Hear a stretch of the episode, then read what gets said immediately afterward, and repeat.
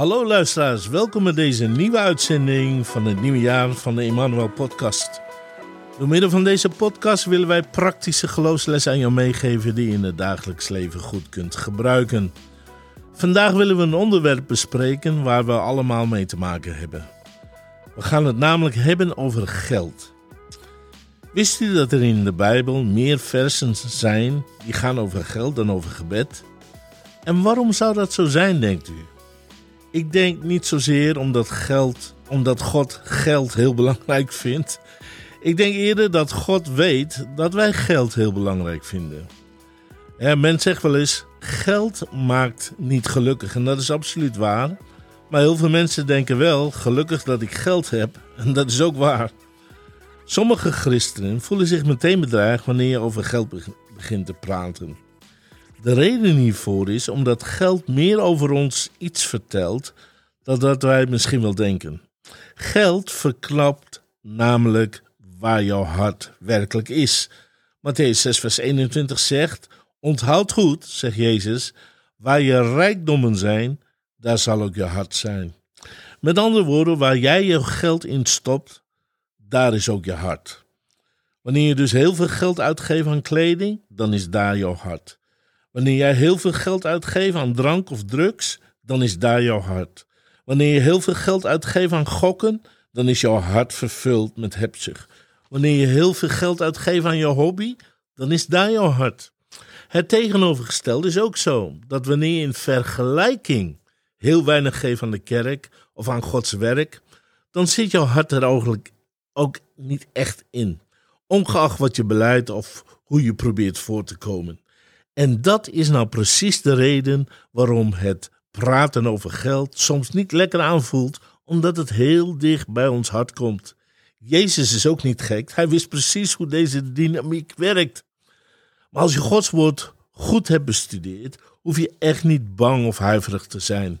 God is niet zozeer geïnteresseerd in jouw geld, maar hij is wel geïnteresseerd in jouw hart. Laten we eens kijken wat ik hiermee bedoel. In Matthäus 13, vers 22 staat: de, de in de dorens gezaaide is hij die het woord hoort en de zorg van de wereld en het bedrog van de rijkdom verstikt het woord en hij wordt onvruchtbaar.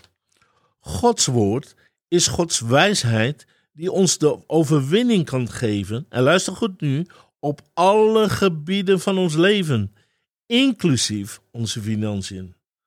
Maar er zijn met name twee dingen die Gods woord onvruchtbaar kunnen maken in ons leven.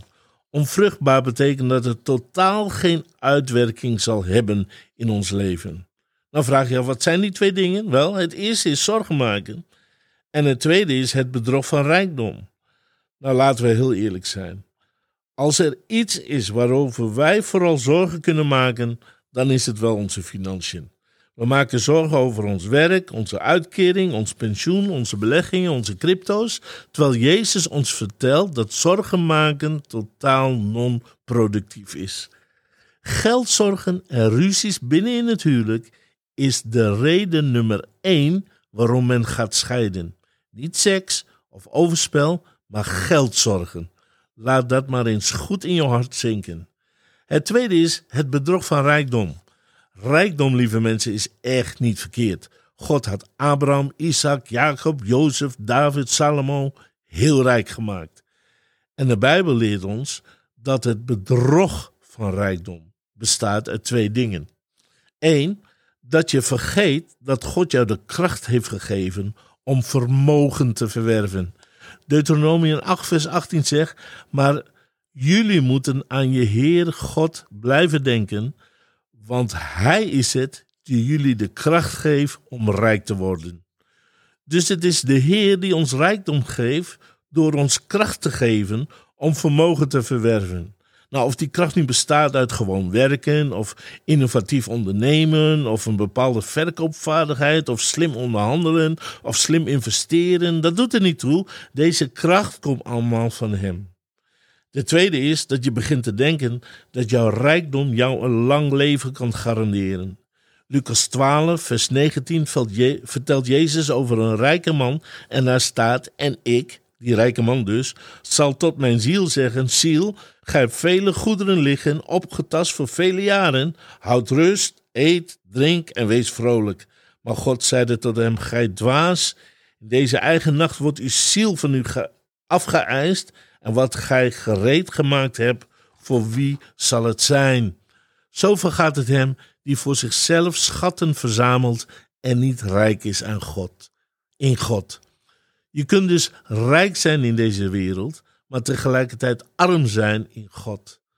Maar het is ook mogelijk dat iemand financieel rijk is in deze wereld en tegelijkertijd geestelijk rijk kan zijn in God.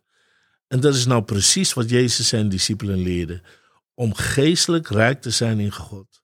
Nou, hoe je geestelijk rijk kunt zijn in God, wordt ons verteld in 1 Timotheüs 6, vers 17 tot en met 19. Daar staat namelijk het volgende: Zeg tegen de mensen die rijk zijn in deze wereld dat ze niet trots of hoogmoedig moeten zijn, omdat ze niet moeten vertrouwen op hun rijkdom. Die rijkdom kunnen ze ook zomaar weer kwijtraken, maar ze moeten in alles vertrouwen op de levende God.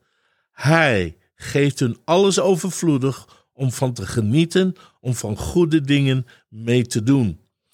De bedoeling is dat ze gul zijn en veel van hun rijkdom uitdelen. Zo zullen ze voor zichzelf een schat bewaren, de zekerheid op een goede toekomst, want ze zullen het eeuwige leven krijgen. Uit al deze teksten blijken dat we meer rentmeesters zijn van God, uh, van wat God ons gegeven heeft, dan eigenlijk onafhankelijke eigenaars. We zijn een soort vermogensbeheerders. Het vermogen is van een rijke God en we mogen ervan genieten, maar dan wel op de juiste manier. Dus ik wil je gewoon uh, bemoedigen om geen zorgen meer te maken over geldzaken.